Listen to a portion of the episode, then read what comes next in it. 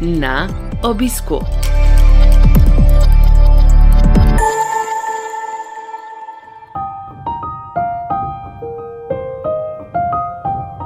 Dobrodošli v novi epizodi serije podkastov na obisku, ki nastaja v produkciji Slovenskega združenja bolnikov z limfomom in leukemijo.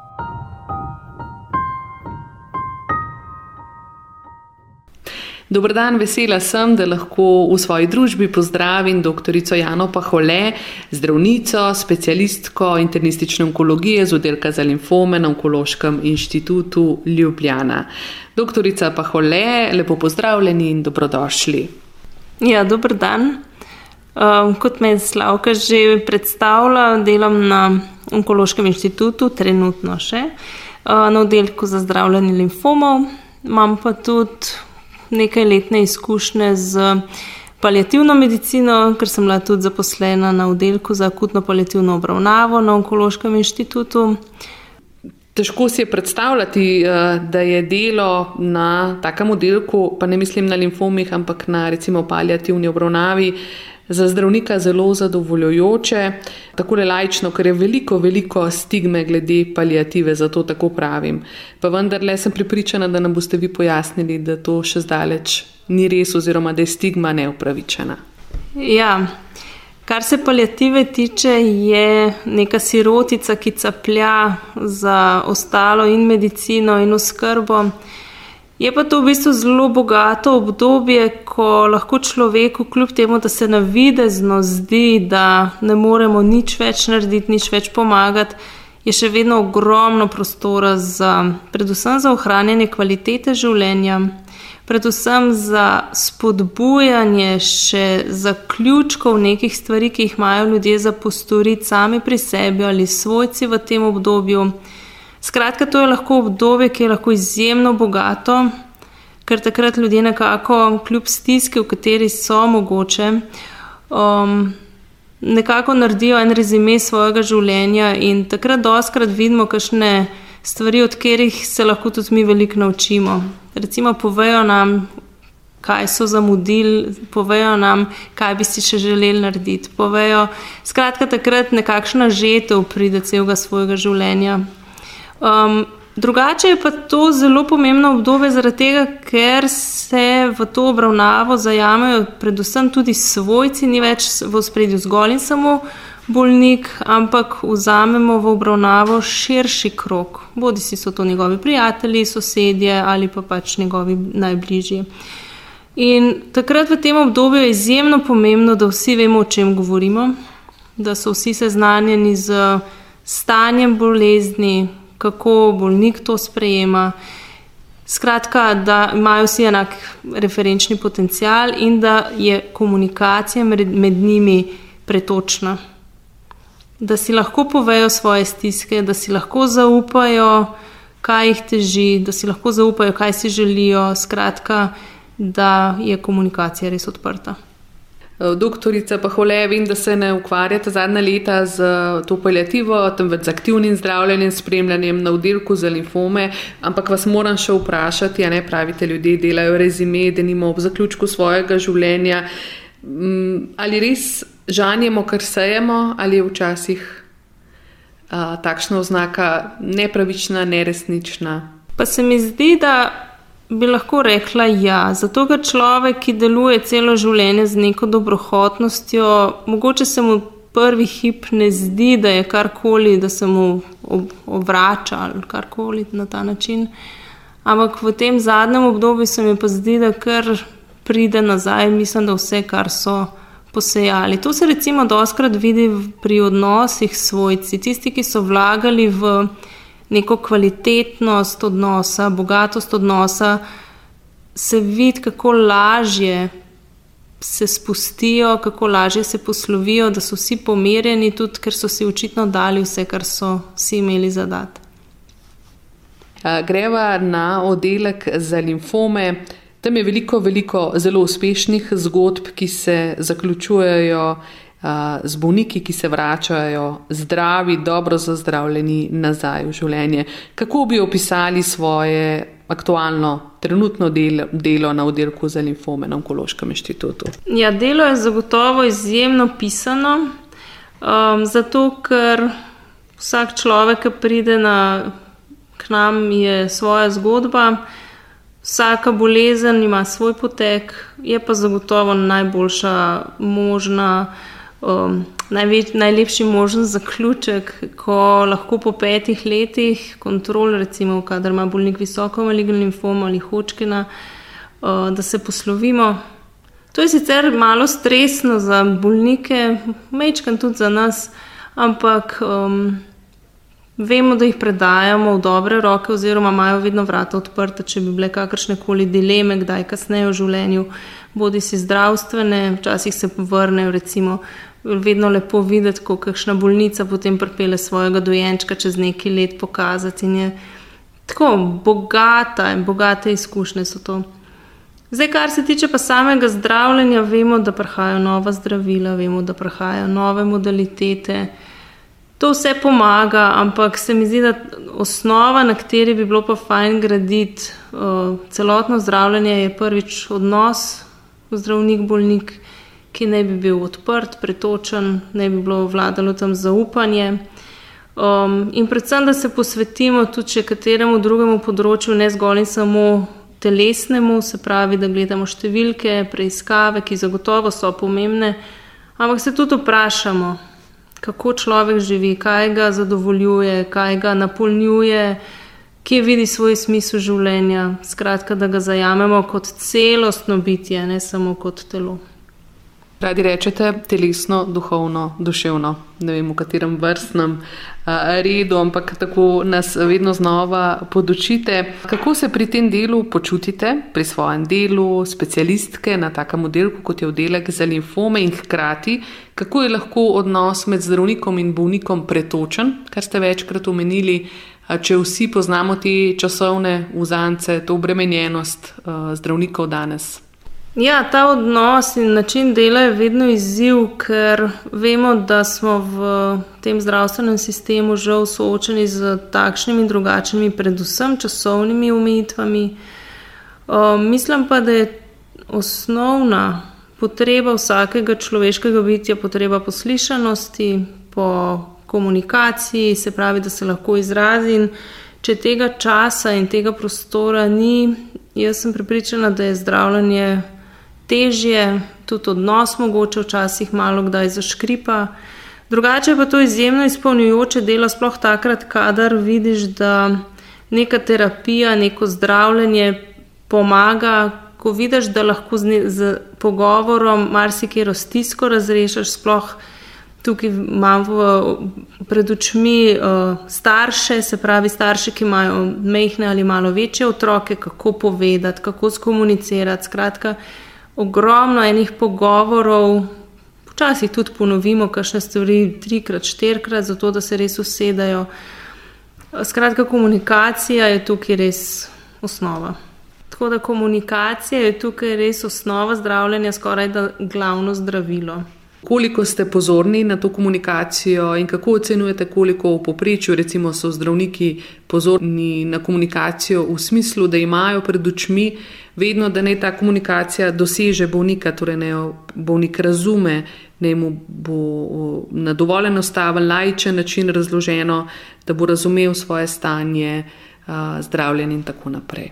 Ja, komunikacijo mislim, da narekuje predvsem osebnost vsakega človeka. Zdaj, koliko se kakšen zdravnik postavi na piedestal in v bistvu govori v latovščini, ki preprostemu človeku ni razumljiva, je odločitev vsakega posameznika. Jaz bi si seveda si vedno želim, da razložim bolnikom na njim razumljiv način, spodbujam jih, da si doma pišejo vprašanja, dileme, ki jih imajo, da jih potem ob naslednjem pregledu, ko ga imamo, to predebatiramo.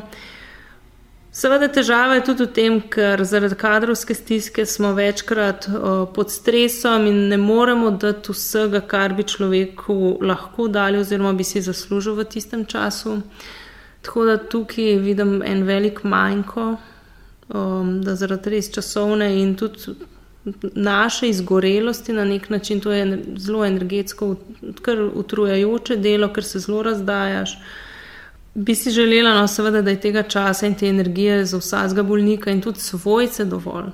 Ker ni pomembno samo, da se pogovarjaš z bolnikom. Jaz vedno, recimo, na prvem pregledu rada povabim, si želim, da so zraven svojci, da slišijo informacije, kot jih sliši bolnik potem da pridejo na razlago izvidov, ko imamo vse opravljeno, da vprašajo in da potem skupaj naredimo načrt, kako in kaj bo zdaj ta obravnava potekala.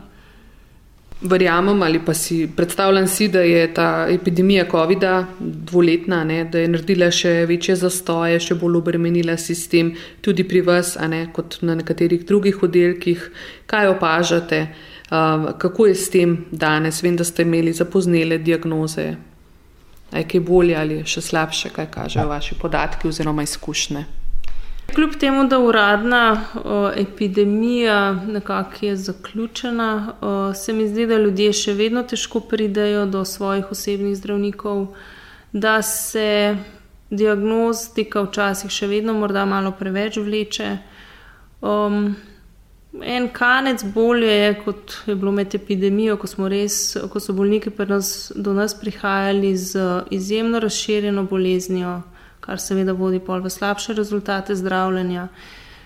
Tako da stagnacija stanja, bi rekla. No. Vem, da ste naklonjeni ne, psihosocialni podpori bolnikom z rakom. Kje smo na tem področju? capljamo, zelo, zelo počasi capljamo. Um, naprej, upam, da ne boljš.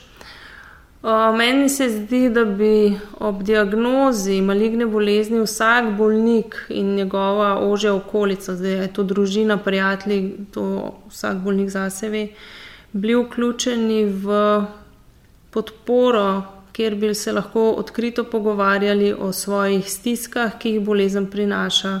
To pa naša seveda tudi ne malo socialnih stisk v smislu um, služba, potem finančne stiske in da se te stvari naglasijo.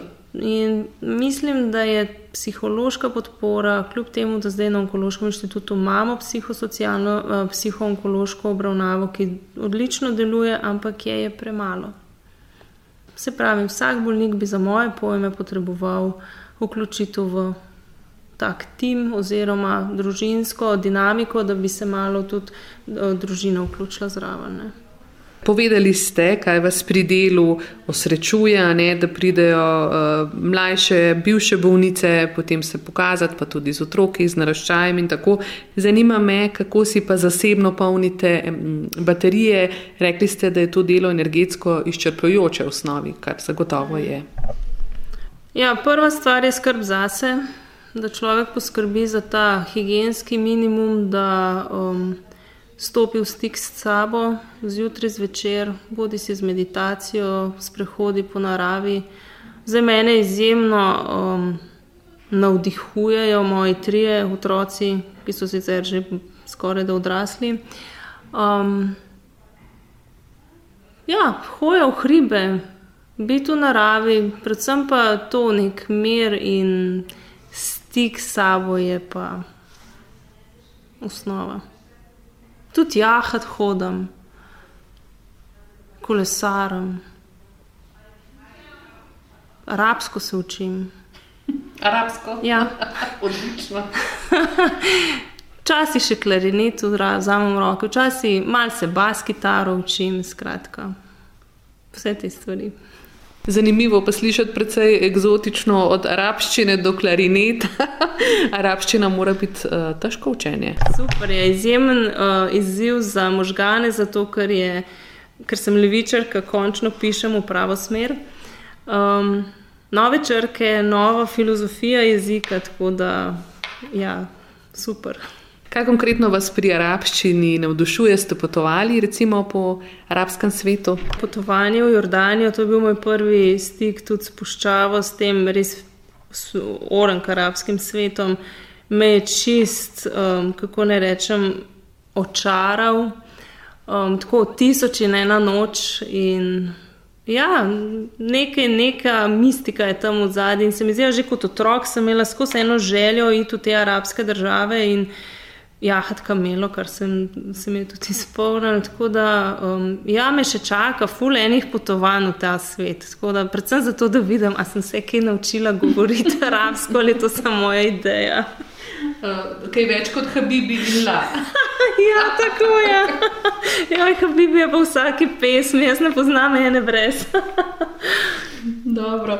Onkologinja s toliko zanimivimi, eksotičnimi, da rečem, hobiji, pa mati treh otrok. Zdaj, žensk se več menda ne sme potem spraševati, kako združujejo to dvoje, ker se moških tega ne sprašuje, kar je res. Pa vendarle, ne, ženske vemo, koliko delajo z otroki, tako da kako gre to skupaj s tako le intenzivno in naporno službo. Mislim, jaz najprej naj povem, da sem uh, samohranilka, da sem ločena. Um, in da na srečo so otroci že tako veliki, in očitno so v času svojega življenja dobili tako opremo, da tudi sami znajo stopiti najprej v stik s sabo, da vidijo um, svoje potrebe in jih znajo na glas povedati. Um, potem pa, da se pravi, odprta komunikacija, uh, podpora, pridejo boljši, pridejo slabši dnevi, eni so bolj veseli, drugi manj veseli, ampak vse gre skozi in če se podpiramo med sabo, ne, je to luštan. Mi se imamo zelo fajn, mi se ogromno smejimo, mi si včasih sami rečemo, pa res smo nori. Povejte nam, doktorica Paholevi, da ste polni načrtov za prihodne mesece, da boste stopili še en korak drzno naprej proti svojim ciljem, kakšni so te in kaj nam lahko v tem hipu o njih poveste. To je ena pot, ki je tako, mislim, da je več neznank kot uh, znank. No? Ja, s koncem leta zaključujem svojo kariero na Onkološkem inštitutu in se podajam v uh, samostojne vode. Uh, predvsem si svojim podjetjem, ki že sicer deluje, um, želim ponuditi ljudem, ki imajo ni nujno samo onkološke bolezni, ampak vse neko celostno podporo za to, da bi ugotovili, da v bistvu vsak je sam sebi prvi in najboljši zdravnik. In če tam začnejo stvari delovati, potem, če v duhu stvari delujejo, potem sledi temu tudi telo. In poleg tega sem letos naredila še diplomo za tečaj, se pravi, sem terapeutka medicinske hipnoze in se mi zdi to izjemno kreativno področje. Uh, hipnoza se seveda lahko uporablja pri nešteto stanjih, od treme pred nastopanjem do pomoči pri prenehanju kajenja. Obvlada se lahko z njo tudi bolečina, uh, anksiozno, skratka, depresivne motnje, izjemno široko terapevtsko uporabnost ima in me to področje zelo vleče. In, um, v bistvu je dost, kako ne rečem, brez stranskih učinkov. Ne. Je pa seveda osnovna, osnovna, kako bi rekla. Predpogoj, da si človek, ki vstopa v ta proces, to sam želi. Ta proces ni nikoli dovolj učinkovit, če ga napotijo v, recimo, na hipnozo svojci, sam pa ima bodi si zadržek, strah pred hipnozo, tam ne bo delovalo. Uh -huh. ne? Slutim nekako, da ste morda prava sogovornica, da vas vprašam, uh, kakšno reč o epigenetiki, a ne, če razmišljate o medicinski hipnozi, verjetno potem dostopate lahko ali pomagate posamezniku, da dostopa do različnih ravni svoje zavesti in tako. Ampak človek eh, ne bi bil še več kot to, ne bi bil povezan tudi s prejšnjimi generacijami. Kaj nam lahko poveste o tem? To je področje, ki ga pokriva tudi eno meni zelo zanimivo področje in sicer ka, področje karmične diagnostike. Um, Ja, človek, ne, rečem, da ni samo telo, ni samo duh in neko energetsko bitje, ampak je predvsem energetsko bitje. No? Uh, se pravi, ja, imamo izkušnje, mislim, da je tako, lahko se kdo strinja, ne strinja, ampak meni se zdi, da človek je kot bitje poslano na ta svet po izkušnje. Zdaj, kašne rabi vsak zase ve, ali pa v bistvu niti ne ve, ker so to tako globoko skrite in zakopane zadeve, da Pa s tem se v bistvu večina ljudi niti ne ukvarja, ker je to vedno neka uh, že semi bav bav, uh, ampak meni se pa zdi zelo zanimivo, ko človek razmišlja, ne, kako lahko klima v neki družini, ki je plot večjih generacij, um, vpliva tudi ne samo na človekovo psiho, ampak ja, ta psiha se potem izrazi tudi na nekih boleznih, nekih psihičnih stanjih, ki se reče, da se prenašajo iz roda v rod. Zdaj, vprašanje, a če pozdravimo duha, to razbijemo, to ne vem, kaj ne rečem to nit, ki se vleče z neko, nekim stanjem, ki ni zaželeno. Ne vem, nimam odgovorov. Je pa to izjemno široko in zanimivo področje, ki mislim, da si zasluži tudi v prihodnosti, tudi kar se teh bolj znanstvenih stvari tiče, malo več pozornosti. Če velja, kot ste dejali, da prihajamo na ta svet po izkušnje, vam želim, da si eh, v tem svetu in v tem bivanju naberete poln. Uh, kovček pozitivnih izkušenj in hvala lepa za vse, kar počnete. Ja, hvala za pogovor, pa vse dobro. V našo družbo vabljeni spet čez 14 dni. Naslišanje.